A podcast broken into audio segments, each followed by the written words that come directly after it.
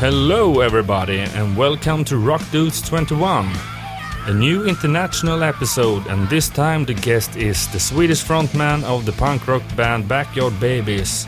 His name is Nicke Borg. But first of all, we will talk a little about our sponsor, and this time it is Marshall Eyewear. Marshall Eyewear is a manufacturer of sunglasses. They want to take the great rock and roll trademark Marshall to the next level. The sunglass models is the most perfect ones to create the outlook of the real rock star. Ryan Roxie, that is playing guitar together with Alice Cooper, has his own signature model. Check out all the information at marshalleyewear.com. Rockdu's main sponsor is J-Leaf IT Media. J-Leaf has highly skilled senior IT consultants within the Microsoft infrastructure and collaboration areas. In the area of media, J-Leaf runs both this podcast and one of Sweden's most personal rock magazine called Rockbladet.se. It's an online magazine that publishes both traditional things like concert reviews, interviews, and different kinds of reportage. But it is all done within a great personal way. You can follow them at rockbladet.se and through social media like Facebook, Instagram, YouTube, and Spotify. Search for Rockbladet. Nicke Borg is a real nice and down to earth guy. He was grown up in a small town called Nässjö. His dream as a young kid was to become a real rock star. Together with the rest of the band, it took a lot of effort to make that dream come true. During this episode, you can listen to his true rockstar lifestyle stories. It's no filter, it's all about sex, drugs, and rock and roll. You can hear it all on Rock Dudes 21. In the end of this episode, we will present the music top list. Together with Nicke Borg, we will present 15 songs. You will find the list on our Spotify profile and homepage, rockdudes.se. Enough talking from my side. Let's start the interview with Nicke Borg. Hello and welcome to Rock Dudes 21. And uh, today we are gonna interview a Swedish rock guy called Nicke Borg. Welcome to the show. Thank you. Hello, which band? Which band? Backyard Babies, I Well, of course, Yeah, uh, yeah. Yeah. and his solo project. Yeah, yeah, exactly. Yeah, so you made it finally. Uh, yes, it's been a, it's been a, a busy last year. It's always busy, but yeah, last year was pretty crazy. Intense. And, uh, and uh, I really wanted to come here and do this, and uh, there was a, a little gap Yeah. this Monday. Yes. Yeah, yeah. you had um, actually you had a record label meeting today, but it was cancelled, right? Yeah, our record company canceled uh, the meeting. no, uh, no, we, we, uh, you know, our record company is uh, is Gain. Yeah. Uh, uh, slash Sony Music, uh, of course, and uh, Gain is based in Gothenburg, and Sony's here in Stockholm, and uh, it's obviously seems so hard for Gothenburg people to actually get their asses to Stockholm, you know. yeah. Because of the train, perhaps. Uh, it's cold and everything. I think No. I never have met the people from the game. Oh really? No. Oh, they're awesome, you know. And uh, sometimes I travel there, you know. But now we, we felt that we, they should come, and we because we are uh, trying to gather a, a bigger meeting with Sony as well, and uh, they ran into some uh, Hiccups. Problem. Yeah. problems. There we go. So uh, that is postponed, and uh, but that's good for us. Yeah. It's good for us Very good. indeed. So we have like an in-deep interview today with Nicke Borg, so this is going to be sweet and long and intense, like a I- rock I'm and roll Taking my show. shirt off now, I'm getting ready. Yeah. This got really warm in here. So, who is Nicke Borg? Uh, yeah. Uh, sometimes you know these days I kind of wonder that myself. Me and uh, well, the rest of the guys also born in a very small town called Nässjö, kind of south of Sweden. Uh, m- like many other small towns in Sweden, looks the same. You know, it's about twenty thousand. You know, people living there. Uh, and you know, you either do sports or you, you know, sit on the bench and drink booze, Yeah. you know, or, or, or you move away, you know. And uh, we did sports for a while, or I did at least, and then uh, you know we got the fuck out of there. Yeah. Well, what kind of sports? Football or? No, I, I was playing basketball. Really? Can you see how long I am? Yeah, how tall I am? I mean, yeah. Uh, no, but in, uh, when we started to, uh, I mean, uh, Dregen and Peter and Johan, uh, they they already started play together, uh, and I kind of knew about them, and uh, I was I was starting to get into hard rock music, and uh, I knew about them, and they had a gig in uh, in the school, uh, you know, in the dining hall in school, you know, on some kind of off hour, you know, it was like early early morning hour, so I skipped school and I went to the other school where they, uh, you know, were were having this thing and uh, attended the show, and after that we got to know each other, and uh, I kind of joined the band. You, you were That's, like that's the short story. Wow. what that really You were like with last member joining the band actually. Uh, yeah, but when, when I joined, I joined in on bass, and there was this guy uh, called Tobias who was singing, uh, and uh, they were more like a metal band. You know, everybody was pretty crap on what we're doing. You know, Okay. played simple metal songs, and uh, I kind of like you know added something different. You know, when it comes to songwriting and uh, even singing, and eventually that guy kind of lost interest. And uh, he left, and uh, you know, so there was us four left, and we decided to change the band name and uh, you know start to focus for real. What was the band name from the beginning then? Tyrant. Really? it's actually another band, but that's like more black metal now. yeah, yeah, no, it, it is actually. Uh, I think it's a Canadian metal. Yeah, band, yeah, that's for sure. Uh, called Tyrant, which is just stupid that we named it that way, or we, or they did. Yeah. Uh, yeah. So, but I mean, apart from that, you know, I my um, starting before that, my, my dad was in the band. He taught me how to play guitar, and um, I'm born with a, you know, raised with a little sister and my mom and dad and a dog, you know, in a villa, a big house in in that little city. Pretty normal, you know. What, childhood. was it any kind of factory and things uh, that you can work uh, in in uh, Nässjö, or what was the main employer? Uh, well, like just a. It's mostly known for being the train, you know, connection spot uh, when trains passing through, in, in, you know, going from now north to south or west to east in in Sweden. Everybody who went to Hultsfred Festival at one point had to, you know, uh, come through Nässjö. I think change train there, you know. Yeah. So all of the music fans in Sweden uh, have been to Nässjö once, at least.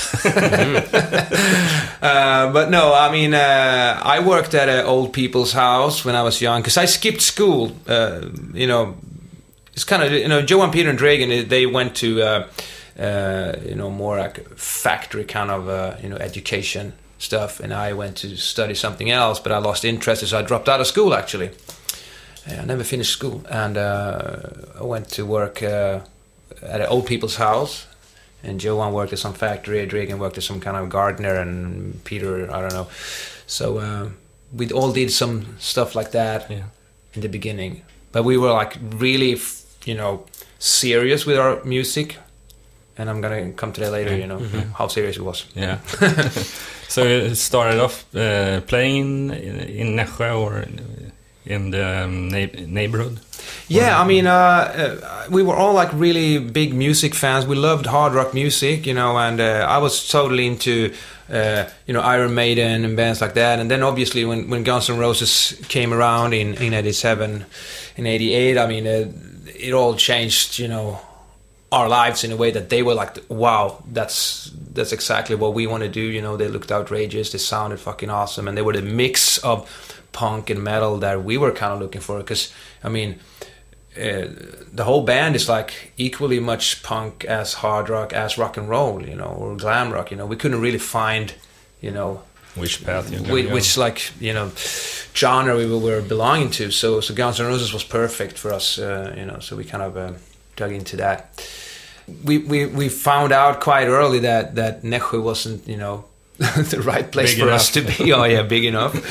Uh, so this is uh, what I'm gonna say. Why we were so serious. We did like something that people still today don't don't really believe this but uh, we made a, a pact or a deal in the rehearsal room you know we spent a lot of time in our, our rehearsal room you know in Nässjö which was really, really cool and uh, we said like okay uh, I mean, we want to make it. We're going to do this. You know, this this this city sucks. You know, and uh, we have to uh, we have to break up with our girlfriends. know, because everybody had girlfriends and, uh, lived in apartments and had a pretty, you know, you know. How, old were you guys uh, by then? Uh, well, Like 15? uh, no, no, a little bit old. I mean, you have to back the time. This was Yeah. like uh, in the summer. Uh, this was '93. okay. Yeah. Well, Yeah. Do your math. Yeah. I'm 40 About 20. Wow. Uh, so uh, you know, yeah, everybody had girlfriends, and they had jobs. So we had a pretty, we were pretty settled, you know, all of us. I had a car and everything. It was like, and uh, we decided uh, that we're gonna break up with our girlfriends and we're gonna quit our jobs. You know, Fuck. I was, I was even, you know, uh, what do you call it? Like uh, when you, I was employed, you know, for Yeah. real. Yeah, yeah. I could have probably worked there for the rest of my life if I wanted to. So, uh, and uh, I don't know who actually really came up with the idea. I'd like to think it was me. Could have been me, but I'm not really sure. But I remember Peter, the drummer, was going like, uh, you know, I, I, I love my girlfriend. Do we really have to break? Can't they come? No. It was like this.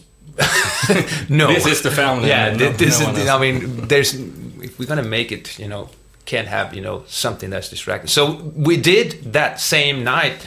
Everybody went home and broke up with their girlfriends, and uh, you know, uh, told the landlords we're moving out, and uh, and I started to uh, look for apartments. And um, by the summer of '94, we actually moved to Stockholm. Singles. well, I'm, I'm curious. What was the reaction from your girlfriend? Though I'm just coming home. Look, No, I'm- she no. I mean, what I remember, uh, I mean, we kind of, uh, you know, you're close with everybody today Yeah. through Facebook and stuff. But what I remember was that uh, she was really, really sad, of course. But there was some kind of like, you know, You're gonna do what you're gonna some do. kind of like understanding in, in you know, uh, because we were kind of young, you know, and uh, uh, yeah, and eventually my girlfriend and I think that I think that Peter's girlfriend as well. Yeah, uh, they also moved to Stockholm. Maybe like a half year later, and some of our other friends as well did. So it was just not us four. We actually dragged a few other people with us. You know. Did you reconnect to them later on in your Yeah, I mean, uh, yeah, yeah. Uh, I mean, uh, You never came, came get back to them though. no, no. all right. no. that was not an option. so but i mean uh, sweden was really uh, weird in in a way during that time i mean um, you could actually go to arbetsförmedlingen and uh, well i did at least and say that hey i uh, what's this uh, s- s- stämpla stämplingskort you know Yeah, what is yeah. this Unemployment center, by the yeah way. yeah Yeah, yeah yeah and and uh, i went in there and I, I told them I'm, I'm, I'm quitting my job. I need to get money from you. They're like, are you, are you, you know, are you employed? Yes, Yeah, yeah. but I'm quitting. They're like, and and but you could you do Yeah, that, and I worked. lived I lived on on that type of money. Uh, for many years, you know, Yeah. and I also managed to when we finally moved to Stockholm. Then in '94, I I went to the um, uh, Sundbyberg uh, unemployment center Mm. and uh, managed them to pay us money to to you know practice music Mm-hmm. in Sundbyberg kommun. Mm. that was a great time. so I feel sorry for all the bands these days who can't really do it like that, you know. Because if if if we would have been forced to maybe stay in Nässjö or work or couldn't like you know quit our jobs like we did in that way, I, I'm I'm not sure that Backyard Babies would exist, you know. Was it the same for the members as well, going to the unemployment center and getting your?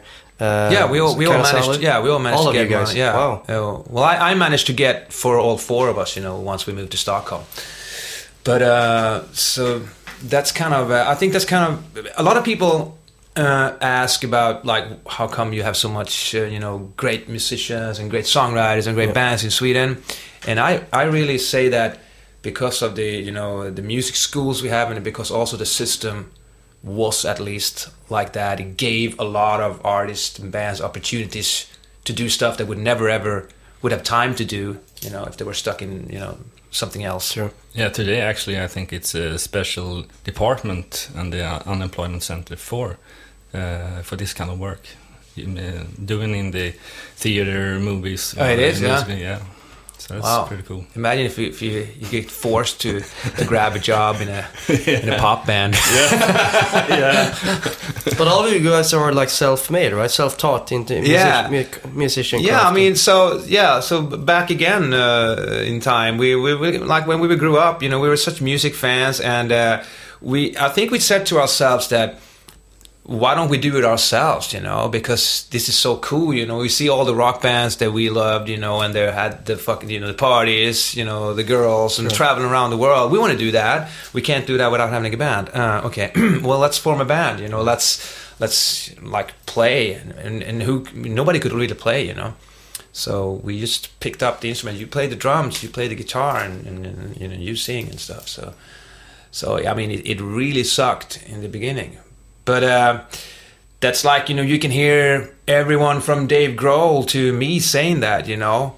You know you gotta suck year after year after year you know and eventually there's something happening. When you suck long enough together you build something you know.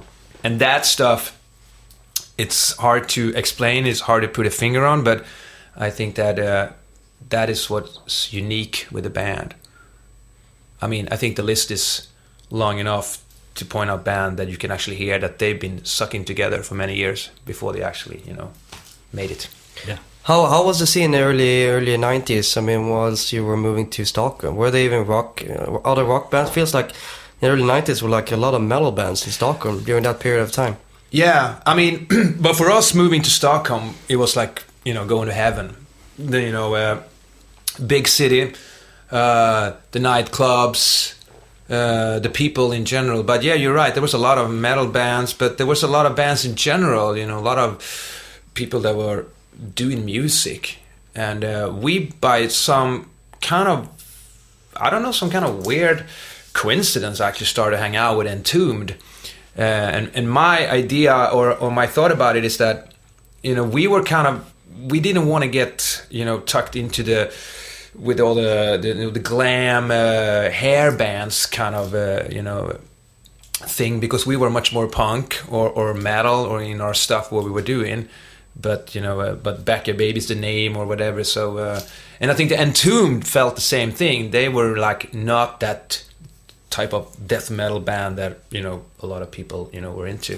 They were much more punk or rock and roll. So we kind of found our each other in, in, in that and you know kind of like they're they're weird but they're cool you know so we started hanging out you know and especially Nicke and Dregen became really good friends you know and obviously so uh, and uh, but there was a lot of uh, places to play. Everybody went to see each other's shows. You know, there was like these really uh, small places around in Stockholm where actually there was live gigs, and uh, you could have like a gig every weekend. You know, it's really you know sentimental to talk about this because it, it reminds me of uh, the time. It's, it's same thing I guess happened uh, everywhere in the whole world. You know, there was another kind of active music scene in that way. Uh, I don't know if you lived in Stockholm. No, not really. Saltus, uh, Stockholm. Yeah, I so- moved here in the late 90s. So Late it's, night, yeah.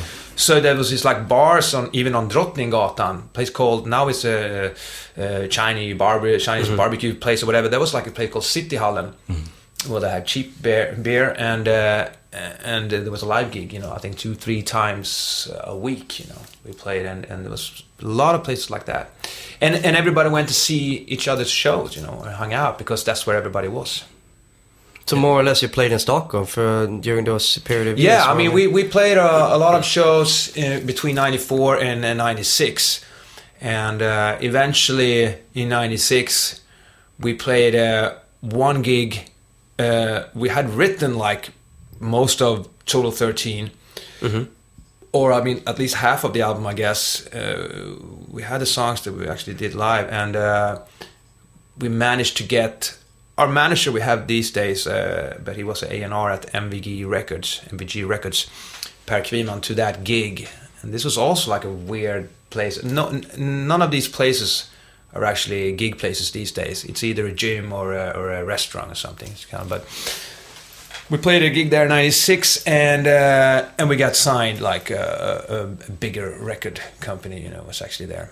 We, we already had a record deal with uh, Mega Rock Records for the first album, for Yeah. our debut album, Diesel and Power. But um, you know, we felt that we wanted to go further and bigger. You know, so What was the manager's first word there after seeing the show? uh, I Best don't rock and roll band ever from yeah, Stockholm, because you know, talking about sucking, you know, I remember I was so uh, nervous, and we felt all of a sudden this this gig is so important, Wow. you know. So I did like a, I did a Bon Scott, I did a, a bunch of fucking speed, and uh, and drank a lot of you know booze because I was nervous, and then I you know you felt to get you to get too high, you get to drink and have to find Sure, that sure. perfect stupid mix. So. Uh, I, I don't know if it's somebody ever recorded that gig, but I think we really sucked. But we there was something I guess in our attitude that, that attracted him, you know. So so he he, he signed the band and he believed in us, and he's he, he wasn't the manager at that time, but nowadays he's our manager. We've been Okay. going since '96.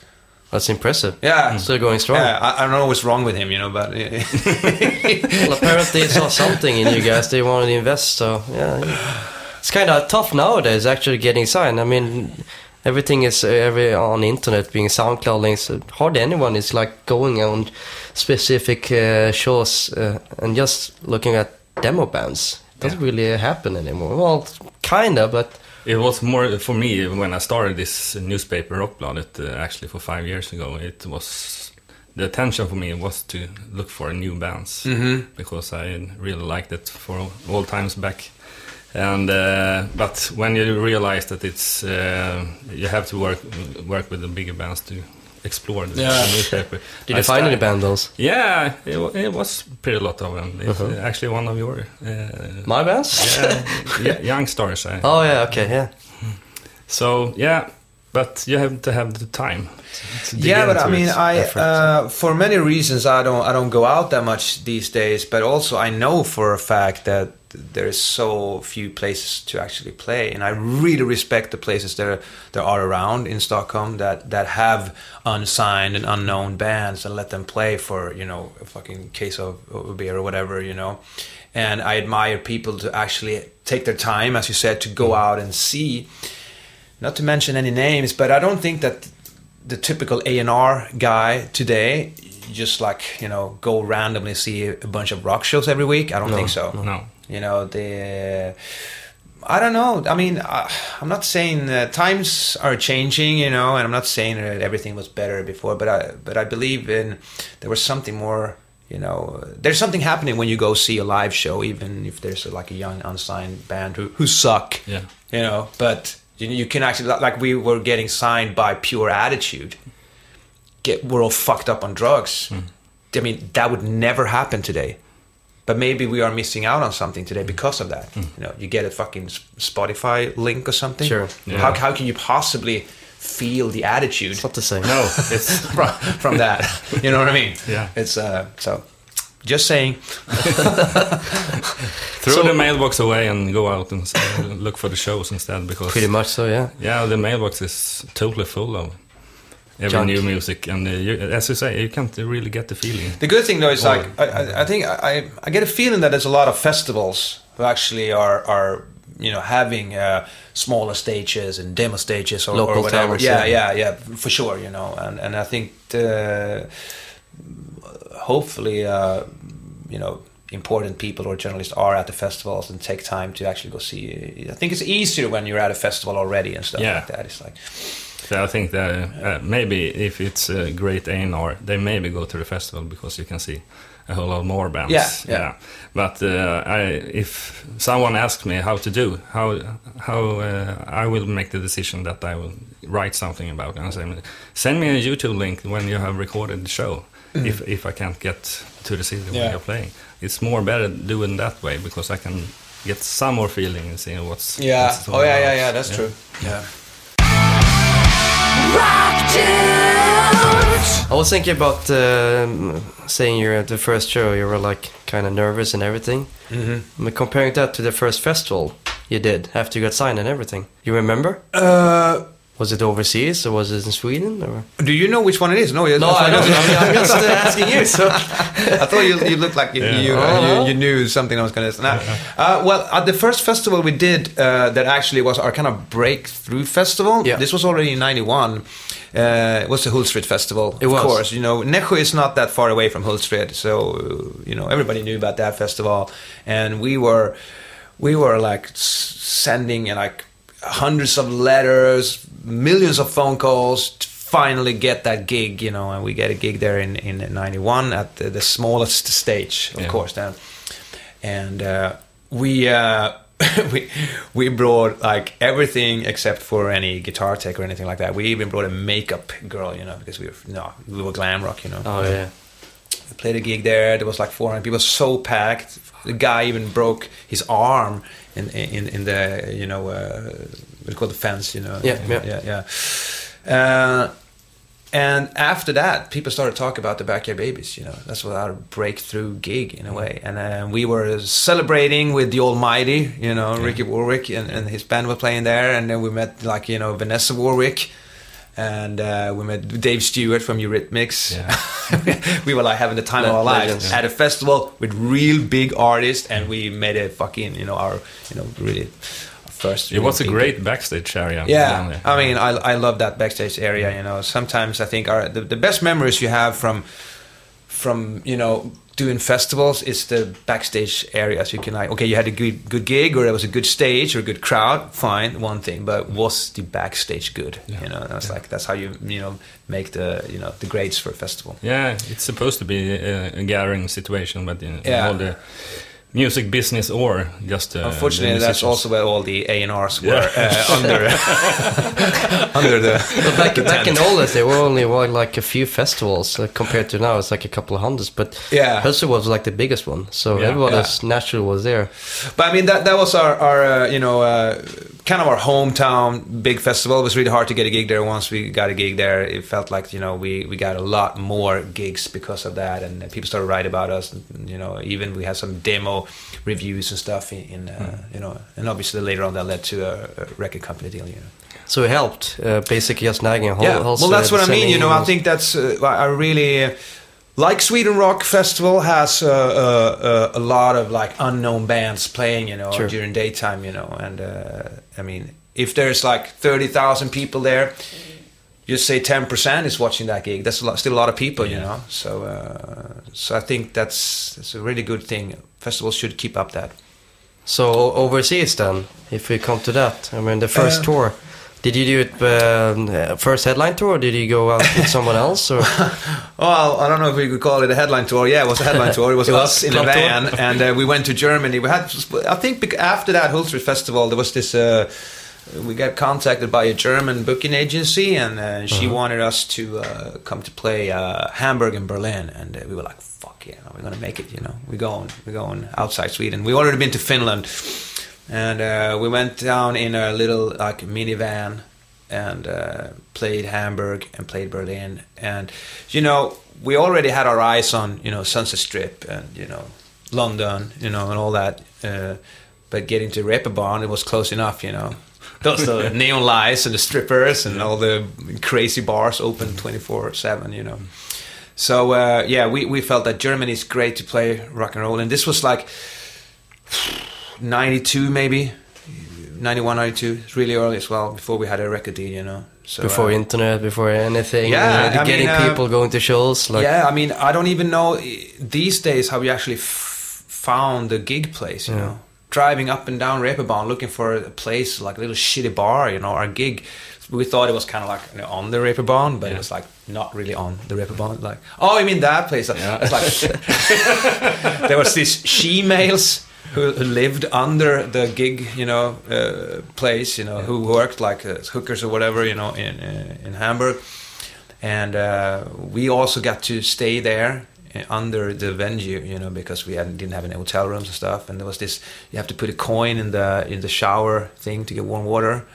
And I, I remember a drummer, Peter, was having a shower after the gig, and uh, it was this big she-male throwing up the, the curtains from the shower, like, "Oh, get out! You know, you're done now." And I was, and I was like, "Ah!" Well, this well, fucking guys from Nässjö, you know, never seen anything like that, you know.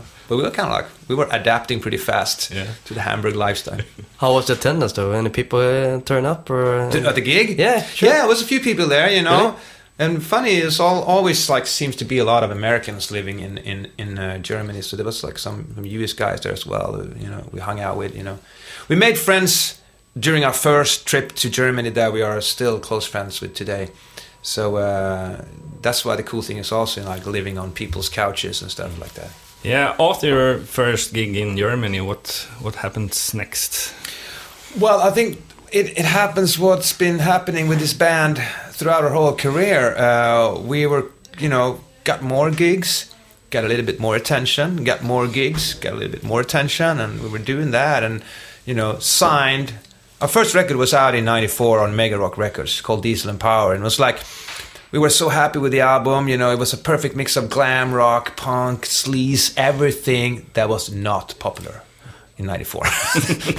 the grunge thing just like boom, you Yeah. know, fucking Nirvana and, and you know Pearl Jam and all that, and uh, we released a glam sleaze album, you know, for only a few hardcore fans. But I, I would like to say that, that that album is a classic one today. Uh, you know, so, so obviously there was like a, a tough time. You know, no gigs really uh, to talk about. You know, we, we, we were like trying to to do that, and then that came to that gig in '96 I was talking about. You know, so we finally got signed for real. And I think the music we wrote after Diesel and Power turned out to be much, much, much more punk rock because we were so angry and frustrated. And uh, I actually talked about this the other day with, with in an interview that uh, I think I think he mentioned that the new Teddy Bears album, Jocke Åhlund said something that every Teddy Bears album goes with you know whatever they are in life or how they feel. You know they're not stuck in a certain genre. Yeah. Even if you would like to call Backyard Babies, you can say that Backyard Babies is a hard rock band or or or rock band, but our our albums are always very true to what we are in life. You know, uh, we were.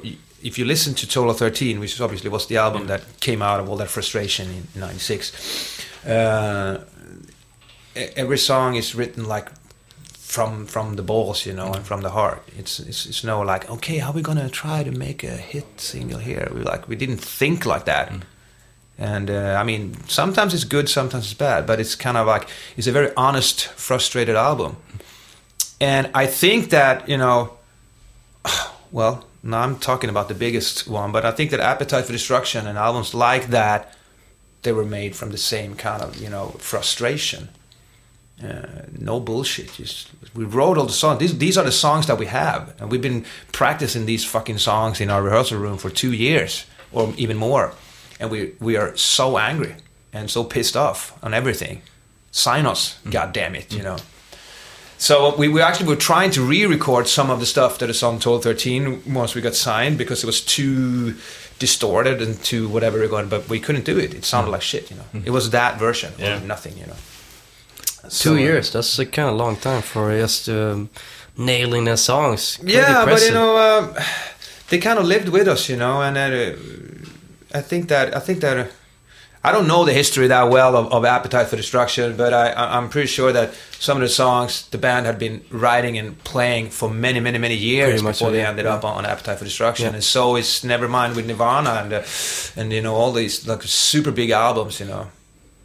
Now people think that I'm a fucking idiot because I compare No. Total 13 with, with Appetite for Destruction. But I'm just saying that the, the feeling of a band that's been struggling and actually are, are, are making something under a longer uh, you know period, and it's made out of more frustration than, than anything else, you know.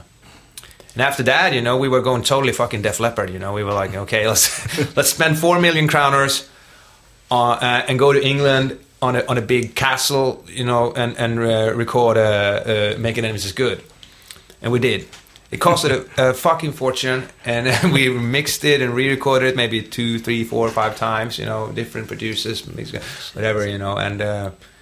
Uh, some weeks we just played golf. Actually, didn't, didn't do a single thing for maybe a week or something at some point. But uh, Those were the days. yeah, those were. I mean, uh, and and you know, this is kind of um, sometimes you have to be careful when you talk about these stuff today, because you're in another kind of position. But I mean, I'm s- honestly so happy that my band got to experience that that that kind of uh, thing that you will always write books about that will always be uh, documentaries about the sex drugs and rock and roll you know because honestly this is really sad thing to say i don't think it's uh, it's ever going to be like that again which maybe is good in one way but you know the uh, the totally uh, you know the excitement the the, The idea, oh, exotic yeah. thing about rock and roll is long gone Yeah. So I mean, uh, so we we were. I think that in in the back of our head we had uh, we had this guy saying like, guys, you can't really afford this. You know, this is really stupid. What are you doing right now? But I mean, fuck that. Let's mm. do it like till they tell us stop. Mm. And nobody told us to stop until like you know much much later, mm. in 2005 six or something when the, the banks were calling and everything was like falling down. You know. And uh, okay, you got a lot of debts here, and uh, you know your manager is sick in hospital, and now it's time for you to pay back. And like, fuck, you had a lot of fun at least. Yeah, but it had a, a fun decade.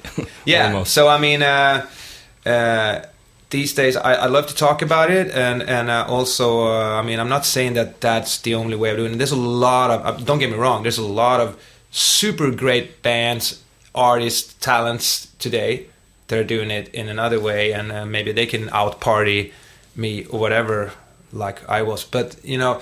Uh, it was something decadent with with with uh, with that era yeah. that we were like trying we were trying to squeeze the last thing out of it before because I think that we kind of knew that this is not gonna last forever and it's gonna come to an end you know and the record company uh, the, the business and everything was just like slowly you know getting a grip on what the fuck have we been doing for 20 years or whatever you know You play golf, you play golf outside our castle. That's kind of impressive. I've never done that. yeah there's, there's picture of us actually you know uh, there was something i mean i can go as deep as you want in the stories but there's uh, we are at this uh, the the milton Key, in milton keynes uh, um, great great linford manors is the studio. I mean sting recorded there you know whatever genesis and stuff like that. It's, huge studio with their own kitchen and chefs and everything you know.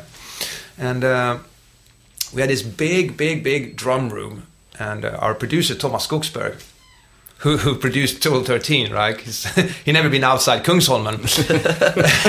we took him to fucking England, and uh, and he had his uh, uh, Löfbergs Lila coffee. Oh, coffee, uh, yeah. sent to England because he couldn't drink the, the UK coffee. so uh, and and he was like, we have this huge drum room that you know Jason Bonham would die for or whatever, you know, and he was like, it's too big, and we shrinking it with like you know what do you, you have in studio, this, this Yeah. different walls and stuff, and and it was shrinking it, shrinking it, and eventually it was kind of smaller than the drum room at Sunlight Studio. He has at Kungsholmen, and Peter our drummer was like sitting almost sort of bent over to be able to play drum.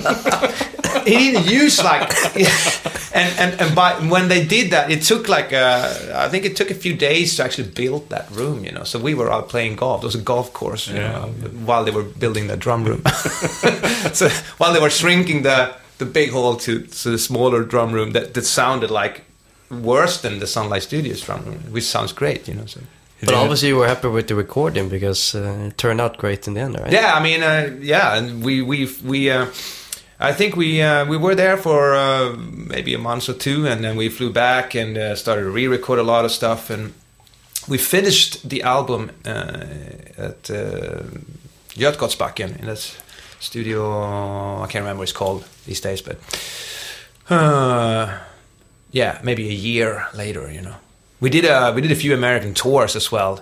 In, in between, between, yeah, while we were in the studio, you know, it was a really great idea. Not, Is that why it took a full year to? Uh, yeah, yeah. Uh-huh. I mean, it's crazy, but I mean, yeah, as you said, it's it's it also turned out to be like some kind of classic album that that album couldn't have been made in another way. There was some weird, long, epic songs on it. You know, it's like. So, I'm not going to draw too many comparisons with other bands, but I think that a real rock band goes through this type of you know development in, Yeah. in a career. You know Pretty big milestone. and then and then get our senses together and uh, made a you know Stockholm Syndrome. You know, uh, maybe our you know one of our best albums to date. You know. that's kind of like the breakthrough album, right? In some yeah, way. and then uh, you know. The, the anger from Total 13 has has like settled and, and the, the the big heads from uh, you know uh, the drugs were kind of phew, down again. The normal level uh, from uh, you know making enemies good and they were actually focusing on on songwriting and playing and singing you know. And we had Joe Barresi the uh, the American producer flying over to Stockholm to actually you know taught us how to fucking record a record you know. He was really good. Made me sing like you know you're supposed to do in the studio and made Dregen play a lot better than he ever done you know so, so I, I think that's why Stockholm Syndrome sounds as good as it does you know Rock to church. I mean, you've always seen yourselves like a touring band. Yeah. Pre- pretty much. That's uh, that's what you could uh, tell regarding Backyard Babies. You're always on tour. Um, nowadays, though, with reunion and Never on everything. tour. no, I wasn't saying that. But uh, what are you thinking about uh, f- for for the time being? I mean, are you going to tour extensively than before? Um, well, that's an interesting, you know, thing to talk about because in one way, uh, I mean, I didn't think that I was going to say this after the last tour we did in 2010, but I really, really enjoyed touring again. Uh, last summer, the festivals, of course, but also the European dates we did. We did a uh, compact three-week club tour in November, which was like packed, sold out, awesome. We didn't play two big venues, and you know we, we didn't do too many dates. We just like did perfect. We had the energy to play. We played almost every day, but it was really really good. We had great support bands, Young Stars and Heavy Tiger. Share the bus it was super cool, you know. And we're dying to to start uh, the Scandinavian dates right now, but when it comes to the endless touring that we were doing for many years, you know, you just tour, tour, tour, and you don't know if you're making any money or you know if have you been there. It was like you know, uh, that is you can't even do that today, and a lot of band feels that they are forced to do it because you know uh, there's no other way to actually make a living. But the, there's a problem with that. I mean, uh, eventually, when you're going on your second round, you know you can't make the same money, and there's too many bands out playing, and the uh, the the agents and stuff are like, you know, Yeah. taking down the prices, and, and the clubs, you know, no, you were here last week, you know. Um so I mean, it's good and bad. It's kind of hard. I think that. Uh, I'm, I'm lucky to be in a band that we can actually try to, you know, choose our our uh, routing. Uh, but no, no, Backyard Babies would never go out and do that intense, crazy touring uh, all year round thing again because you know there's no business in it. And these days we have to think about the business side. Um, actually, I, I um, uh, on our one of our first meetings we had uh, when we were like getting the band back together, and you know, and I, I said that th- there's three things that we got to be honest. You know, it's like it's got to be we got to make money because otherwise we can't do it. You know, because we all got families and houses. I mean, we have a life that has to you know roll, and and it's got to be fun you know, fun to do it. You know, you can't do, you can't fake, you know, in front of the crowd when you're 43 years old. You know, you got to actually think it's really fun for real, and it's got to be creative. You know, you got to think that you're doing good stuff. You know, you got to feel that your creative side is actually getting something out of it. You you take one of these things away, the the the you know the reunion or whatever you want to call it, it's not going to happen. You know knock on wood, you know, we have uh, we have all three elements right now there, but I'm not saying it's going to be there if we just like kick back, you know, on the couch or something. You have to work. But uh, what I'm saying is that you can't just tour, you can't just make records. You you know, it's it's Got- it's a puzzle that that I uh, I just get tired by talking about it. Was that why it uh, led up to the breakup from the beginning? Because of extensive touring, or Uh, yeah, there was many, many reasons that, that actually led up to that. Uh, but one thing was, of course, that we've been constantly on the road, and uh, for me personally, I, I, I was really sick and tired of the touring, and I also decided that my lifestyle was a, a complete disaster with the drugs and the alcohol, and uh, I, I need to I need to change that around, and I, I don't think I I, I want to do that, you know, con- continuing touring, even though I did tour for one and a half year, my mm-hmm. first sober year.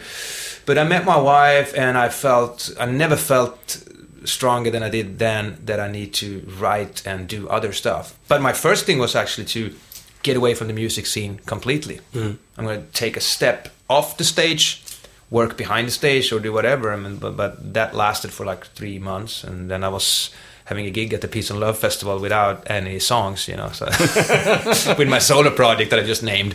So how was it for the rest of the band? Was it the same? Uh, no, I mean they were, uh, to be honest, uh, everything from complete dicks, really angry, uh, frustrated, scared. I guess you know Yeah, you, you're taking away something that has been our life for twenty five plus years, whatever. Uh, that we made a living out of, you know, and with, without no parachute or anything. I just said like, we gonna take a break. yeah, And like, no, yes. we are going to take a break. This is the last tour we're doing. Oh, okay. We we we, uh, we start uh, next year again. Then no, I don't know when we're going to start again. I have no idea. We're doing this tour, and then it's fucking goodbye. Don't call me. I don't call you either. You know. And uh, yeah, we did. You know. So internally, it was uh, it was never a split split off or whatever. It's more like a pause for the time being.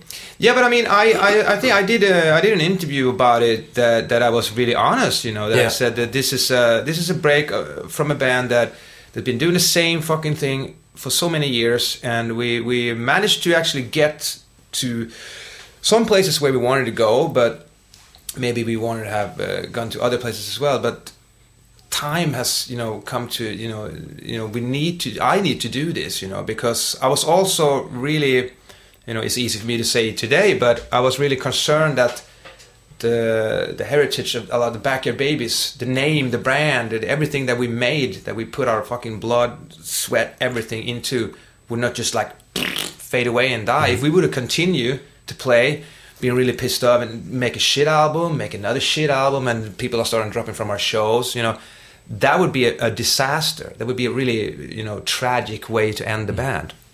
So let's do this. Let's take this break. It's it's it's really a lot of you know gambling. You don't know what's going to happen. You don't know if fans are going to accept it and still wait or be there when you if you come back. Uh, but I, I was totally willing to take the chance. It was the only you know option for me you know. For your sanity as well, I'm guessing. yeah, and and looking back at it, it was a genius move. You know, I mean, even Dregen confessed it. He can't say it to my face, but he confessed it when he did a sommarprat in P1. Yeah, I have to thank Nick, uh, you know, because uh, it was a good move. Even though I, I didn't think so in the beginning, but it was a, a smart move to take a break. It's good. because I mean, he he got to do a lot of his, you know, uh, his uh, whole ego could, you know, All the commercials full, or full on in, yeah. in a in a autobiography and his uh, his album that he made. You know, he got to like do all that stuff and you know form a family and shit. You know, so yeah, I mean. Uh, Hey, I'm not a saint, but I think it was actually a good idea. And I mean, in any in any occupation you have like uh, you've been working and doing the same especially if you have something that makes you travel around the world all the time if you do that for maybe 20 yeah 25 years or whatever. I think it's healthy to actually take a break and look upon it from the outside you know do some kind of like okay what's good what's bad how we what's what did we do wrong what you know all that stuff you know. And uh, by doing our my solo thing to explore a whole different kind of thing in the music scene i i i started to understand stuff that we did wrong with backyard babies that we did right with backyard babies you know and i was kind of gathering information again. And and you know that as well as me that how the music industry changed over the last five years it's completely different and we still don't know where it's going to end you know?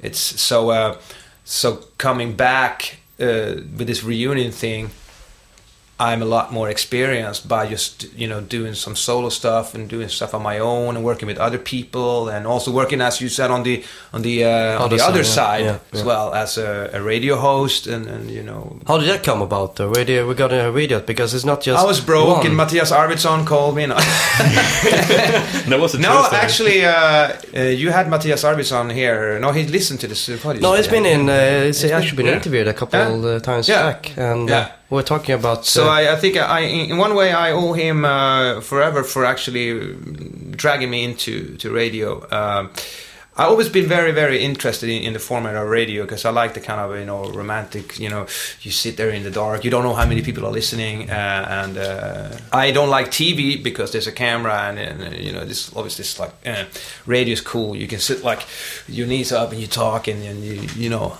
so. Uh, every time I went to uh, a radio station, I got interviewed. I always really, you know, like to talk, sit there like they're like, "We're done with the interview." Yeah, but I have more stuff to talk about if you want to, you know, because I kind of like enjoyed it. Yeah. And Håkan Persson at uh, Sveriges Radio and Per Fontander was my two like you know uh, role models when it comes to radio. You know, Rockbox in the '80s, of course, and then uh, you know Peter Rock, Håkan Persson. So Matthias Arvidsson, uh, I knew him a little bit uh, from being at Bandit, being interviewed, and he uh, he called me up for a meeting, and it's just like if I want to do my own show. And it's like, wow, this is crazy. Uh, I have no idea really. I, I said yes before even thinking, of course. But then, like, but what, what, what should we do? Never mind. Let's just do it. Let's try. And uh, and uh, this was also a really weird time because I was, I knew that I was going to do Melody Melodifestivalen. Oh, the really? Swedish Wow. uh, Yeah. yeah, Schlager, Swedish yeah. Schlager Yeah, Festival. yeah. I knew that, and then I couldn't tell. And uh, and he wanted me to get a job as a as a, as a radio host on a metal radio station. Yeah. So the, the so I was like, okay, okay, this is me. I want everything. I'm not gonna say no to anything. I want everything. This is gonna. I can't. This it, it, it can be done. So I uh, once I could tell people. Uh, I told him, okay, I cannot start in February as you want me to. You know, this was like in 2011. I can uh, I can start in uh, April or something because then the the Schlager festival would be over, right? Yeah. Whatever happened with Did you figure it out though beforehand? Yeah, no, I said, let me come back to you with that. he said, I was like, fuck. Like three months. No, because he's gonna go to he's gonna go to uh, his uh, you know whatever. So like, okay, we want Nicke Borg, you know, from Backyard Babies. We want him to have a radio show. Everyone's like, yeah, cool. What's what's the what's the cat? Yeah, but he also doing uh, Melodifestivalen right now, and you know, you know Yeah, what yeah. people think about Melodifestivalen and who listen to Bandit Radio. He came back to me. He's like, let's do it That's cool. this is this is a way for band like to to you know be a better bigger station you know Yeah. to, to show some you know with you know whatever What kind of show did you? well i did, i only did a i did a, a, a week show i did a, a, every week i had a show on thursdays pretty late where i actually made the whole playlist and you know had some stories about bands but i started a thing there which i then took to my uh, my home these days i've been at Rockklassiker Yeah. they're enemies Competition. yeah, yeah, yeah, for two years now. Which is like the, the, the first three years at Bandit was great, you know. But I had Peter Schelin, who was uh, my kind of co-pilot there. He he did everything, you know. I just basically talked, so I, I didn't really learn the the thing behind radio. I learned to how to host, Yeah. uh, which is you know sometimes it's trickier than you think, you know. It was not live; it was all like voice tracked, of course. But um, uh, I took all that experience. I told Matthias, "Thank you for everything." Uh, but I, under certain circumstances, I cannot continue at MTG Radio, you know. And they're like, oh, "Okay, you got a job." He figured it out, you know. Yeah. He's smart, and he was like, "Wish, wished me luck," because Bandit was facing a lot of, you know, Changes, whatever. yeah. Yeah, so I couldn't, you know, maybe I could have worked, continued to work there, or maybe not, but it doesn't matter. It was a, it was a, such a great career move for me to move to Rockklassiker. I got a, a, a five days a week show to do, and I got another position. You know, I was actually becoming one of the, you know, team, you know, how the hosts um, there. But I took some stuff there with me. I have a, a, a very cool thing that uh, is going really, really good. That I play unsigned and unknown bands, which is also taking it back to how Back Your Baby started. You know, I remember when we sent our demo cassettes to to radio stations and stuff, and when you finally knew that you were played on a German radio station somewhere or uh, P3 Swedish radio had picked up and played a song on a some night shift that no one listened to like it's a big thing you know and it's some kind of like quality uh, you know stamp that it, once you get to be played on the radio it's a little bit more for real Yeah. even if you build it up yourself whatever it's uh, I really like that. I like the feeling that that you get some approval from someone that people are listening to, and and uh, so I, I take my job very seriously as a radio host, and I take that uh, the Wednesdays very serious. You know, on Rock Classic where I played on signed and unknown bands, and I get I get a lot of you know mails and, and stuff you know from bands and and I gotta say every time every week when I work on that it, it surprises me how, how good the quality is you know Would you say that it's kind of like giving something back during all yeah, these years? Yeah, I think so. You know, I mean, uh, we started to talk about that, people don't go see live shows anymore. That, that the the whole thing has changed a lot these days. How you actually get signed and how you promote. I don't know how many people are actually listening and and uh, remembering that band that I played, but it's enough people to make a difference. You know, and you never know. One, two, three. You know, that's like was someone. I mean, Guns N' Roses was. Uh, uh, you know, there was this guy walked into the record store when the local record store guy had a, a cassette of uh, you know Gene Eyes, uh, what is it called, the, the first you know Reckless Life and these songs. You know, things he played him in his record store because he liked that local band. You know, some fucking dude when he was in Tom Zutaut walked in there and like, what the fuck is this? So so you never know. Yeah, yeah. There's this uh, really bored A&R guy, uh, had a fight with his wife, put on Rockklassiker, driving home, you know, and there's my show, and there's that demo band, got to play, and he's like, what the fuck is this? He cranks it up because he's saying he's in the mood, and he's like, remember a name, and he calls him up, blah, blah. You never know. Have you heard any? Sunshine Story. You're doing the A&R's job. You're doing the kind of A&R thing, like a modern A&R. But I was thinking, have you heard any success stories of bands that you've been playing unsigned, and then it has happened something based on that? Uh, Uh, not really that I uh, know about like that, but uh, what's cool uh, these days is that um, I mean, uh, uh, in general, a lot of the, the younger bands are really really fly on their social media you know, Oh, yeah, yeah. platforms and stuff. So they they're they're like they're using that quality thing of getting played on rock classic and promoting in their own social media stuff. So it's a, so that they have a thing to build something around, and I, I'm pretty sure that there's a bunch of you know bands who got more gigs because of that. build, building the scene stronger. I mean, based Yeah. on luck.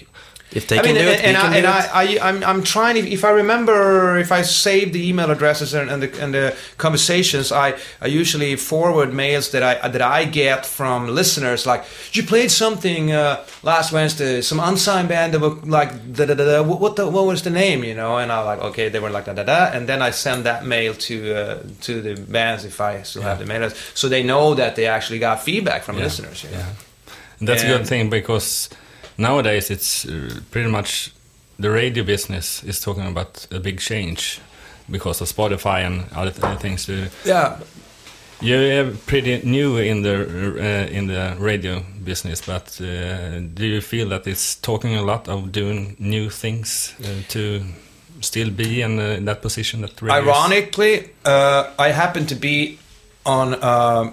Well, that's not ironic, but ironically, I was going to say that radio is going really, really well, and I happen to be on a station which is going really, really well. Uh, all our stations at Bauer Media is going really well. I don't know, you know, this is good quality, of course, you know, and we focus on music and we have really great hosts. Uh, but I think that uh, it's the same thing, you know. I mean, uh, I, I I try to um, I try to understand how the music, you know, I use that when it comes to my own band or as a radio host or, or, my solo project, whatever. I try to understand how and why the listeners are doing certain things, you know, and how they, you know, consume music. And uh, I think that in general, I, I call this is, is really the, the, the gray, the gray zone, you know, it's about 70% are in the gray zone. They don't actively like look for music or like you or like us. We, I, I can swear you guys were like, looking for records, you know, for sure. found out stuff, heard about stuff, went to your local record store or whatever and heard something on radio, you tuned into some radio abroad or whatever, and you know, you were actively looking for music, you know. But 70% is not doing that. They want to like just get served. Like that's Yeah. why uh, Melody Festival is so huge. Sure is. When it comes to Spotify, which is an amazing tool for for for listening to music, consuming music, and and you know getting some new uh, music, finding stuff, whatever. But you have to actively, you know, look there Yeah. and search and and be part of playlist and da da da and share and stuff like you know. You can't just open Spotify and There it is. play me what I like. Yeah, because No, yeah, we can be in some kind of radio stations there, whatever. But if you put on rock classic here, you know what you're gonna get. You're gonna get classic rock songs, and you're gonna get great, funny hosts, and you're gonna get like stories around. You know, you know what you're gonna get, and uh, a lot of people like to get music served like that. yeah, And if you have great content, and if for my shows, for example, it's a bit more spice songs, you know, and a little bit different stuff that that uh, they're not like the average thing on the daytime. Mm, we have other things to look at as well. Uh, it's it's something that people appreciate, you know. especially if it's uh, like your show, it's one hundred percent your thing yeah, to do. but I mean, because Rockklassiker or a radio station like Rockklassiker, or even my shows, are not really specifically meant for the die-hard music fans because they they find their music and they listen to whatever they like anyway. Our, you know, my radio show or Rockklassiker is is uh, kind of for for the for the average music lover who likes rock music, but you know. Is working, driving his truck, doing whatever. He can't look find his music. He wants to just have great music Yeah. to listen to. Sometimes he needs to turn down the volume a bit, and sometimes he can create. create- You know what I mean? So, by saying that, uh, I feel very comfortable, uh, and uh, I'm, I'm pretty sure radio, radio is just going to continue to be uh, the, the leading way that people are consuming music. How do you consume it though? I mean, thinking about uh, combining everything, radio host and then Backyard Babies. Obviously, there's going to be more shows, and festival. Yeah. Do you mean- How do I make the day? Uh, Yeah, basically go by. How do you Combining find spots everything. in the in the schedule Free time. are free? I'm. Uh, I hate to admit it. You can ask uh, my personal trainer or my therapist or my wife or anybody that, that I'm, I'm, a, I'm a sad workaholic in one way. Uh, I mean, I quit drinking and doing drugs in 2008, and all of a sudden I realized there's a lot of time released, not being completely fucked up, hangover, looking for drugs. Just, you spend so much time doing that stuff, you know, whatever it was, you know. It's it's crazy. Uh, and most people in my position can, you know, agree with the same thing. But I have this kind of like, you know, disease that you you uh, you know you need to fill your life with stuff, you know. So you you started you fill it with work, and uh, I'm comfortable with it in one way. Uh, I I really like to work. I, I go up early. I work hard. I work late. Uh, sometimes it gets too much, but uh, then you need to find other stuff to, to kind of have the, the Balance, yeah. the balance, you know. But that, I, I guess that I think life in general is is very tricky. You know, when you're 40 plus, family, try to do, try to be healthy, try to do stuff, try to be successful. Um, uh, you know, living in a society where everything is really expensive. You know, it's kind of like. Uh, sometimes you get the feeling that you just want to fuck off and uh, you know uh, move to the countryside and have your grow your own potatoes and shit. Or move back to Nässjö. yeah, no, no, no. that's not countryside. that's just depressing. No, no. Uh, but that's just a thought for a second. You know, uh, I as I said, I enjoy. I try to, I try to navigate in life in day, uh, but the best way I can. You know, and um, and one thing that is like what makes me also do it because I really enjoy making people happy. You know, I make people happy with Backyard Babies. I mean, I've never seen so many of our fans so happy. I mean, I've seen them sometimes with druggy eyes, but I've seen them over almost 30 years, you know. But uh, they were so happy last year, you know, seeing us live. And that makes me super happy, makes Dregen happy. We all like, fuck, you know. And um, I make people happy by, you know, playing, you know, a, a great like radio show in the evenings. You know, I get mail from truck drivers, you know, in the middle of the night, sending me like, "Fuck yeah, they're out there somewhere on E4 or whatever," you know, uh, uh, listening. To, you know, I know, you know, it's kind of a, it's a really good feeling, and uh, and I try to be a, a, good family father. I take care, you know, my my family, my wife, and my my bonus kid, you know, and my friends. How do you see the future of Backyard Babies now that you're 43 plus? How what a Actually, I'm 43 in April, so Okay. don't get too excited. uh, yeah, that's. Uh, I think it's. Um, in one way, it's kind of. Um, it's kind of obvious what we're going to do, and in another way, it's just a big question mark. Uh, the obvious thing is that the band is not taking a, a pause again, like you know, hey, we're taking a pause thing. You know, uh, we actually had so much fun playing again, making a record, and uh, once again, knock on wood, my my hope is to continue with the Backyard Babies till day they have to roll us off stage, whatever. Because I also think that we can grow with our music, you know, we can actually play rock and roll music very, very long, you know, with this band, you know. And I think that everyone in the band has the same kind of, you know, deep inside the same kind of feeling uh, about the band.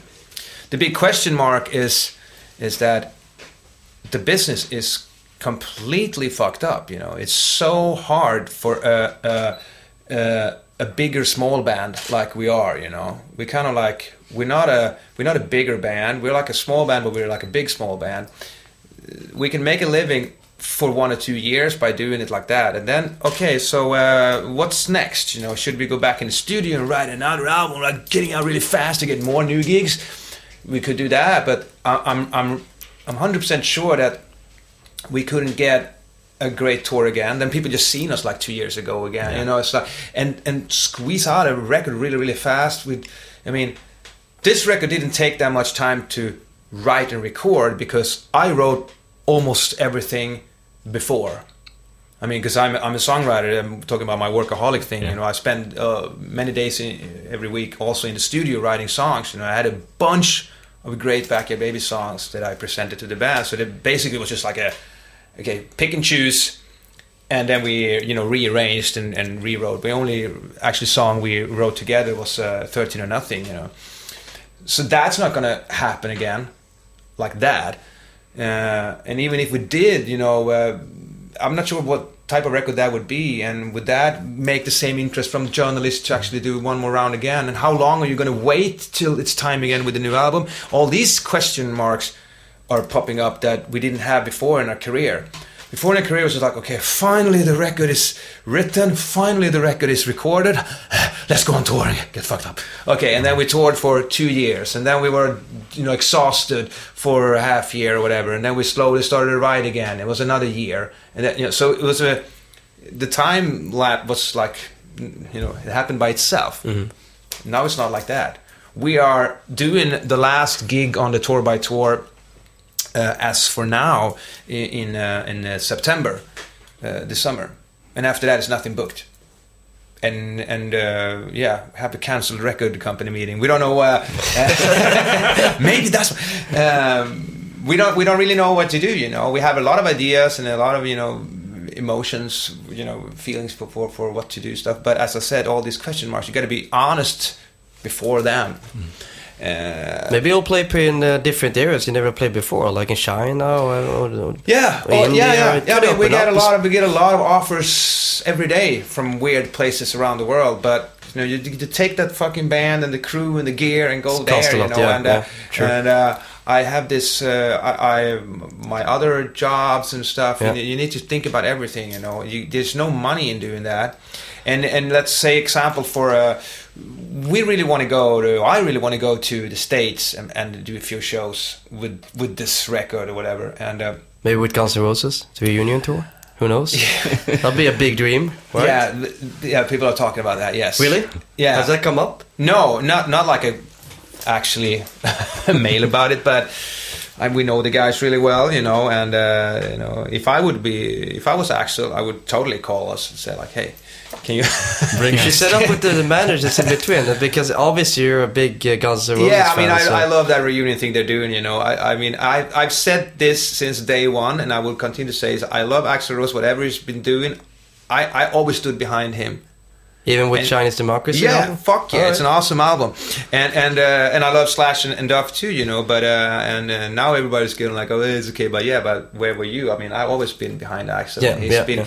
because if you know he's been actually carrying on the Guns N' Roses fight, whatever. That's that's another story. But yeah, I mean, uh, but yeah, we can talk about that because if we got offered to do like a world tour, Or even European yeah, whatever. You know, you need to, you know, put all this other stuff into that, you know, uh, calculations. You know, how the fuck is that gonna happen? So that's like kind of like a dream anyways, even though it's like financial... Uh, Yeah, but I would love to play with Guns N' Roses. But let's say uh, America, for an example, you know, uh, I know for sure because we've been there so many times. We tried to actually get a bit of success in, in the in the early uh, 2000, and you need to go there and uh, you need to come back. You need to come back, and if you get a little success, you need to follow that up again. We're talking about a time period of maybe three years to to get some kind of recognition, and then start to work, and then you need to have a new album out. And I know how they work, the record companies. My best, my best uh, story is uh, remember a band called Rocket from the Crypt. mhm. They were signed on Interscope. You know, they had a little success. You know, they were here playing in Sweden. Everybody loved that band, and uh, the record companies came back. Yeah, okay, so uh, it's time for you to make a new record. Let's let's really like they want to push these guys, right? Right. And they came back to record company with maybe 25, 30 songs for a new record. Like, record company's like, awesome. Write about 50 more and we have another meeting in a couple of weeks, okay? Cool, see you guys. Uh, what? Write about 50 more and we have another meeting in a couple of weeks? I mean, luck. yeah, so, so what I'm trying to say with that is that to actually focus on the stage or, and to try to get some success being in the in the where we are in our lives right now, it would be a, a period of time that doesn't exist. You'd be fucking uh, fifty. Yeah. yeah. Even if and that, that is not even sure something's going to happen. You know, you never know. You know, we're not that type of band. So uh, I would say that the future, once again, going back to the future, would be uh, uh, to do smart moves, you know, to have some big, great plans going on during the summer, what to do with the next one or two years. Uh, the Backyard Baby's spirit alive, whether it's going to be more gigs or new songs or whatever kind of uh, support tour, you know, it's going to happen. But uh, uh, in one way, it's kind of cool that it's an open, you know, book. You never, you don't really know, you know. It's like not. And also, you don't have the stress anymore. No, it's not. The, the pages are not written. On the other hand, it's kind of stressful, you know. In some ways, yeah, Because yeah. you, you don't know. And and once again, the the business is changing so much. So by the end of next year, maybe Spotify is gone. Maybe you know you don't even know. Uh, everything is happening so fast. Uh, you know, I got my first bill from uh, Apple Music. I'm like, three months? It's already been three months free period. And you uh, you can't really get get rid of it because it's like renewal. Have you posts listened and to it? everything. yeah, Oh, a subscription. I, li- I listened to the new Taylor Swift album. There you go. She's not on Spotify, as we all know. Yeah. uh, yeah. No. So, but as you probably can, you know, tell, I'm I'm I'm very positive and I'm very happy, you know, and I'm just happy to be able, and I'm lucky and really grateful to be able to do what I do, you know, and have uh, so much stuff going on at the same time, you know. So um, Future looks th- bright. there's uh, there's this big, you know. I guess so much songs written as well that I want to start working with, you know, with, with other artists and with my solo project as well. So my, my only enemy these days is time. Now it's time for Rock Dudes 21's music top list. In the music top list, we will present 15 songs divided into one third each. Our guest Nicke Borg will start with his five songs, and then me and Ömer will tell our five tunes.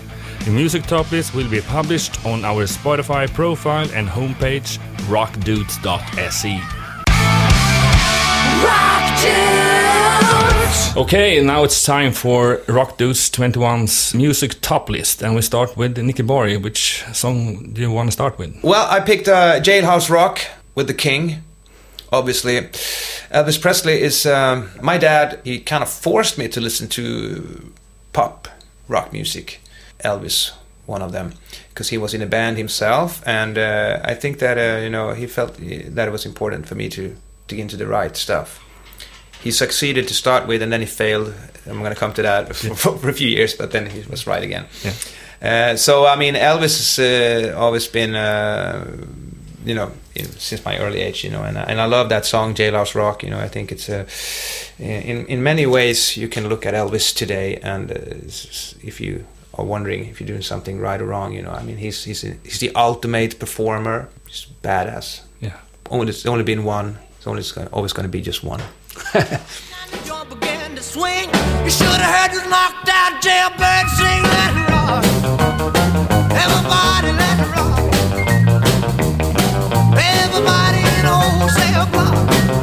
Was dancing to the jailhouse rock. Spider Murphy played his tenor saxophone. Little Joe was blowing on the slide trombone. The drummer boy from Illinois would crash, boom, bang. The whole rhythm section was a purple That was a real classic, Elvis with a Jailhouse Rock. And uh, what's the next one? talked about before that my dad uh, got me into uh, I mean he built my first guitar and he taught me to listen to you know the Beatles and Stones and you know stuff like that uh, but once I started to you know buy my own records uh, I think that he did something wrong because my first record I bought was Duran Duran Oh. but you know no uh, don't get too excited. It's uh, uh, I picked a song called Is There Something I Should Know from Seven and the Ragged Tiger. It's from 83 uh, Duran Duran I, I, li- I listened to Ra- Duran Duran for a few years and listening back to them today I kind of understand why I I like them because they have uh, they have very interesting uh, songwriting skills you know. Really catchy not typical pop songs you know. And they and they and they were a band there's got to be a reason why uh, Steve Jones from Pistols and, and Duff McKagan and uh, you know Matt Sorum and these guys play with John Taylor still today. You know, so yeah, he's, he's a badass, I guess. You know, no, so uh, Duran Duran is a is a pretty cool band, I think. You know, and uh, I listened to them a lot uh, for a few years. So, uh, is there something I should know? Is a cool song. Something I should know. Is there something Say? to make you come my way.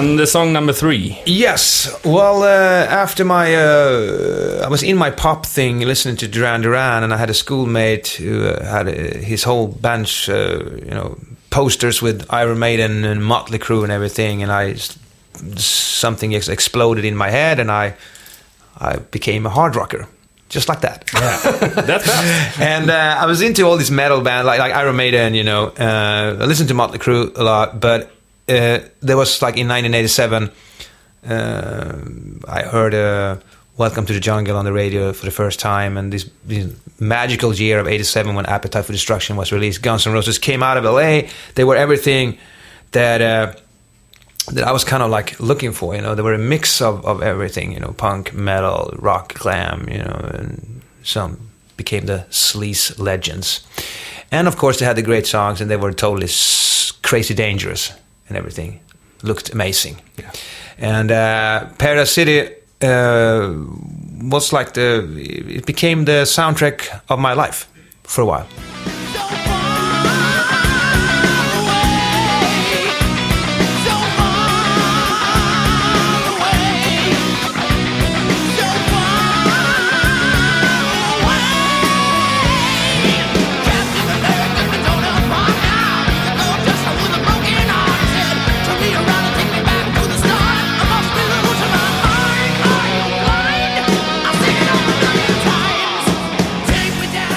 Okay, number four. Yeah, um, we were in the studio uh, recording uh, our first album, Diesel and Power, and uh, I had a punk rock friend from Linköping who told me in his Linköping accent, "Well, Nicke, you sound a lot like uh, Mike Ness, Social Distortion." I was like, "Mike who?" Social who? I, uh, social distortion. Yeah, I've seen, uh, I've seen that on uh, Duff McKagan's bass. You know, there's something. I, I, thought, I thought it was a skateboard brand or something. Okay. No, it's a it's a punk band from Orange County.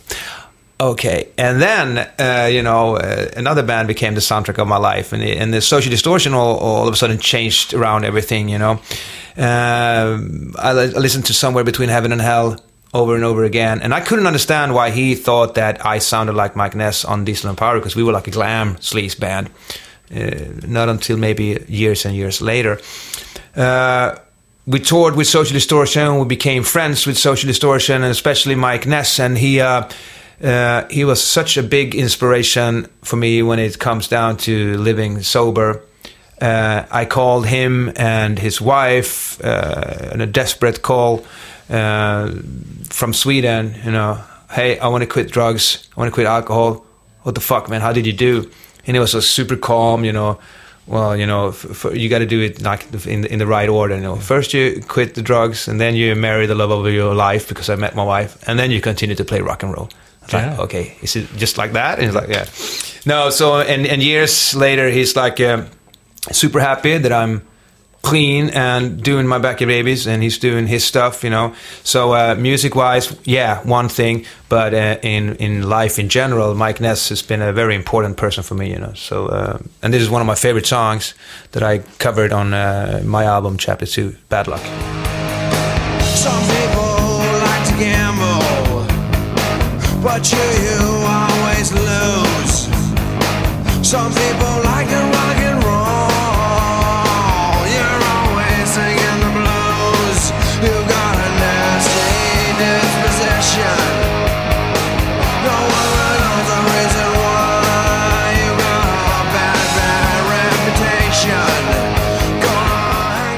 your list comes to an end, and uh, Yeah. what's number five? Uh, number five is a guy called Shooter Jennings. He is the son of uh, Waylon Jennings, country legend, and uh, Jessi Colter. I had a friend who was uh, in my touring company, a, crew member, who was we were sitting up. I was completely, you know, wasted and uh, it's like didn't feel good at all. He's like, you got to listen to some really cool country stuff that I have. This was on a tour bus somewhere in the world, and he played Shooter Jennings for me, and I was like, wow, cool. So I was listening a lot to Shooter Jennings during just like the year before I got sober and over the year, my first sober year. So he became like a uh, both an inspiration when it comes to songwriting and, and doing that kind of mixing country and rock. Because he's like a he, he he loves hard rock, but he's the son of Waylon Jennings. So obviously, he needs to take his country further. And uh, and the funny, the, the cool story about Jennings, he became almost like a, I was like, wow, I love Shooter Jennings. I was listening to him all the time and he had a gig booked in uh, Gothenburg a few years ago. And I was like, yeah, me and my friend, that friend that introduced me to Jennings in the first place, we took the train down to Gothenburg. And I was like, wow, he came there with just his acoustic guitar, did an all acoustic gig at Pusterviksteatern in Gothenburg, like fucking played two hours. And I was like, well, yeah, cool. And I, I got to meet him afterwards, and he was like super cool. And I was like, well, wow, yeah, yeah, I saw your gig at the, the Troubadour in LA a few years back. I'm like, okay, cool. so my new like favorite artist of all time, maybe almost like uh, he he he went to see the Backyard Babies years back, you know. So we kind of bonded, you know, and uh, I love that type of thing that he's doing. That he's like country, but he's rock, and he's he's doing whatever he wants. He go against, you know, the the mainstream thing, you know. So uh, this is one of my absolute favorite song with Shooter Jennings. It's called Fourth of July. in a dusty old. Just the and its majesty.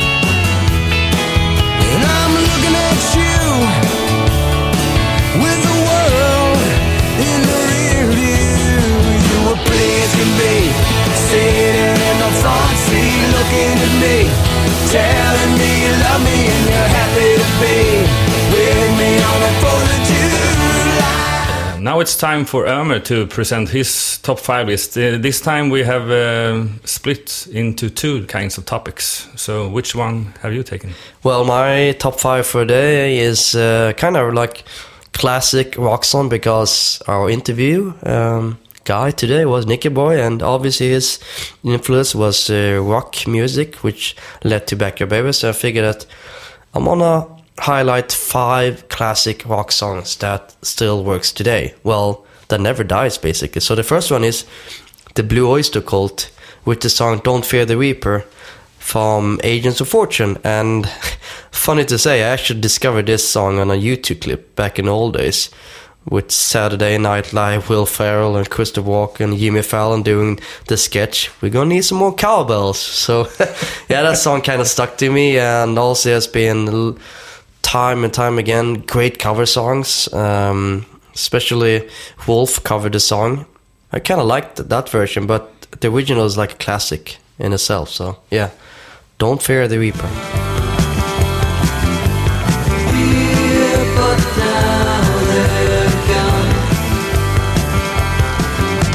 Seasons don't fear the reaper, nor do the wind, the sun, or the rain.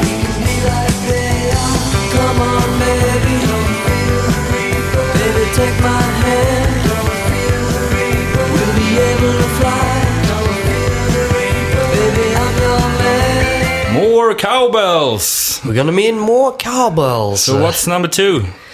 Well, people will be surprised, but I actually picked uh, "Don't Stop Believing" Oh, from the crap. band Journey.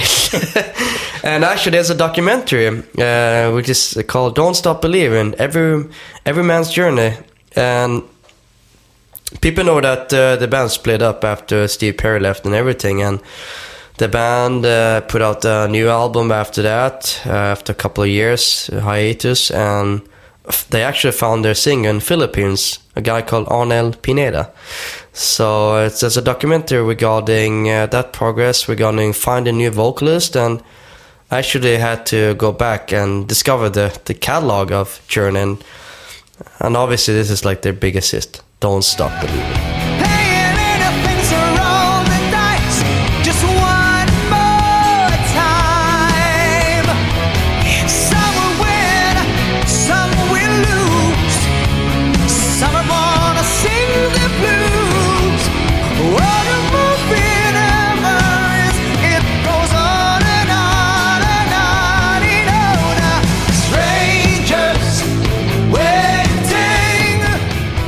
Don't Stop Believing, Journey. Uh, the mid song, the number three.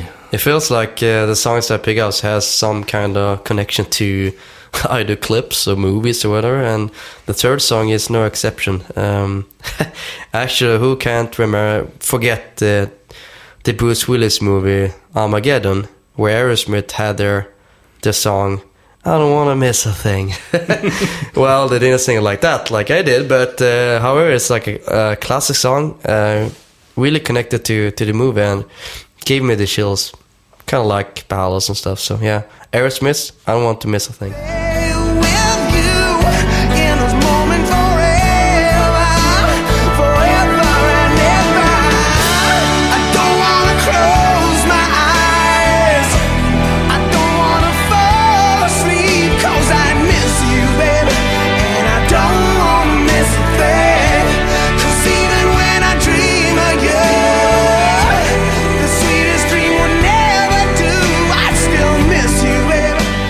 Thing about this song, I, uh, yesterday I just saw a YouTube clip uh, with the with a guy standing in the road playing this song, and uh, actually, In Russia, yeah, I saw it as well. yeah, a couple years ago. Yeah. And uh, Steve Taylor just popped by and actually sang the song with him, and uh, people were like, "What the fuck is Steve Taylor? Oh wow!"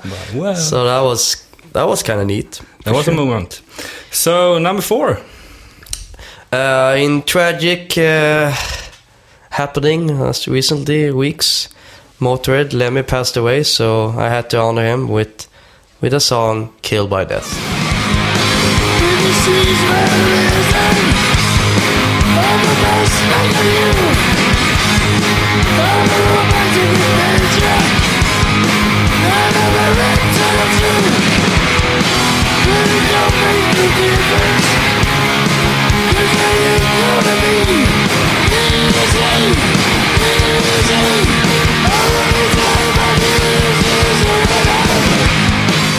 What's the last song? Well, we've been talking a lot of uh, Guns N' Roses and never seen them live. Hoping to see them on this reunion tour. Uh, but the songs are like, yeah, when you were when you were young, we were younger. Uh, rock music was uh, in our lives. Who could have missed Guns N' Roses with the song "Sweet Child of Mine" from their debut album "Appetite for Destruction"? So yeah, it's like a no-brainer. I had to have at least one Guns N' Roses song on this top five.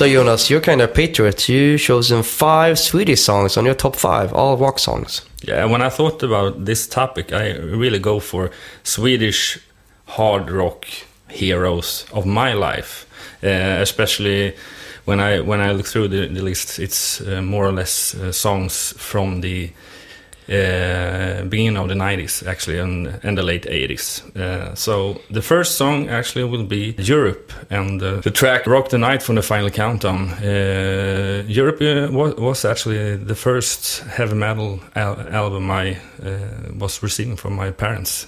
Very odd; they haven't listening to heavy metal at all.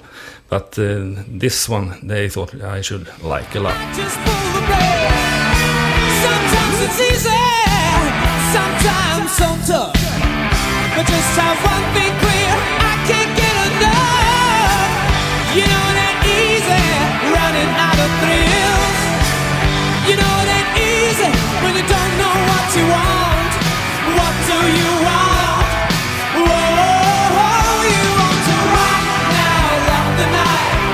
The. And the next song is also a Swedish song. Go figure. It's In Flames. Yeah, it's uh, since 10 years ago, it had been uh, my first experience of this kind of uh, genre that this uh, Gothenburg metal sound is. And uh, the song Cloud Connected from the Reroute to Remain is one of the best songs live uh, from my perspective. So I just picked that one of that course. So Cloud Connected. You Bring it down!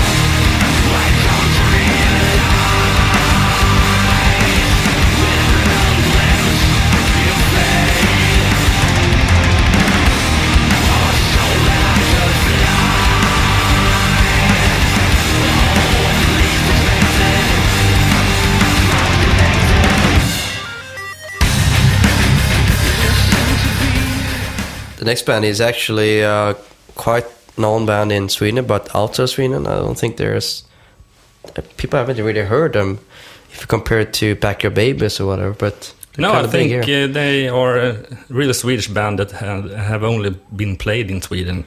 And uh, as Nicke was talking about Hultsfred Festival, uh, I've been there for 19 years, and uh, Sator was, was one of the first band that I occasionally looked at and watched the shows every year because they almost played every year, uh, and uh, it was every time was a really awesome experience, and it was total of energy, and it was yeah, it was fun, fun, fun.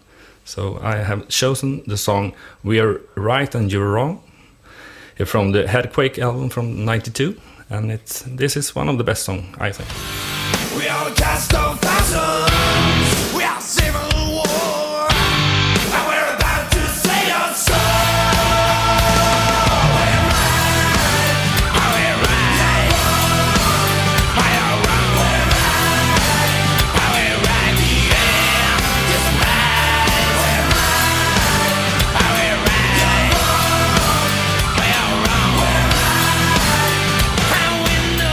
The fourth song uh, is, uh, well, I don't know if you're going to say that there's a new metal band going on, but they were kind of early in their days. Yeah, it's we're talking about Clawfinger, and uh, yeah, they break through with the, this kind of new genre when they started uh, with the rap metal thing, and uh, it just hit me back in the '90s when I saw them again on Hultsfred, uh, and I really remember the song "The Truth." Uh, it was really punch with this rap in the metal uh, riffs, and uh, yeah, its blend is really good. So it's I was just in the front row and just screaming the truth. And when I look at you, I scream within, what is wrong with you? You raise yourself up to a higher degree and look down and discuss at our misery. You know better than your enemy, but it's hate what you just can't be. Don't deny the fact that you're a mortal man. You can't escape from death when it's close at hand. Don't sit upon a pedestal and raise your voice if you're too deaf to listen to the people's choice. Truth. Tell me the truth.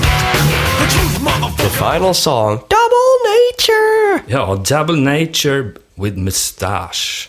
This Swedish rock band from Gothenburg uh, with this uh, cool guy Raffe in the in the uh, lead sing and and uh, guitar. And this song it actually was the first song I heard. And it's oh, yeah it's should be 10 years ago or uh, 9 years.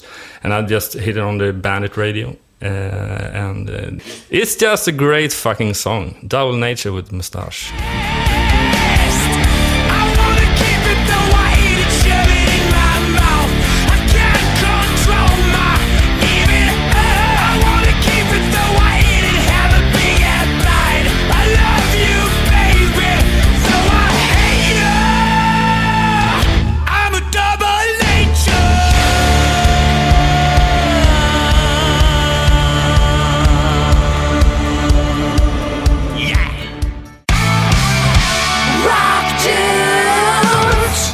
come to an end of the Rock Dudes 21 and uh, guest Nicke Borg. Uh, and I really have a good feeling about this interview. It, you have tell us a lot of your life style and A lot, a lot of your lies, I thought you were going to say. And I'm actually looking forward to the concerts coming up in Stockholm. Yeah, you you didn't see? I've any? never seen Backyard Babies live ever. No. actually. So it's, Oh. What is it that uh, on the Slash book it says uh, just because it uh, sounds outrageous, it doesn't mean it's not true. Or something, but this is also like uh, you know everything I said. It's it's not true. it's even worse. Oh, there you go. The top of an iceberg. we had a great time, dude. Yeah, Um, me too. Very much enjoyed it. Thank you very much. Thank you. Thank for you. Coming. Yeah. Thank you for listening to Rock Dudes 21, where our guest Nicke Borg did tell us all about his experiences and all the good stories from his life. The music top list that was in the end of the show will be published through our Spotify profile and homepage rockdudes.se. Don't forget to follow us on our social media network as Facebook, Instagram, YouTube, and Twitter. Search for Rock Dudes Podden. Don't forget to follow us on our social media network as Facebook, Instagram, YouTube, and Twitter. Search for Rock Dudes Podden. Please write some comments about this episode, what you're thinking about the podcast, which guest you wish to be in our future episode of Rock Dudes. We will of course thank our sponsors, Marshall Eyewear and J-Leaf IT and Media. The jingle was recorded by Jonas Hermansson, Peter Månsson and Mia Colhart. The interview was recorded by Jonas Löv and was edited by Endigo. The guests of next episode, Rock Dudes 22, is the American hard rock band Halestorm, and that one will be published the 11th of March. Until then, rock on. Rock to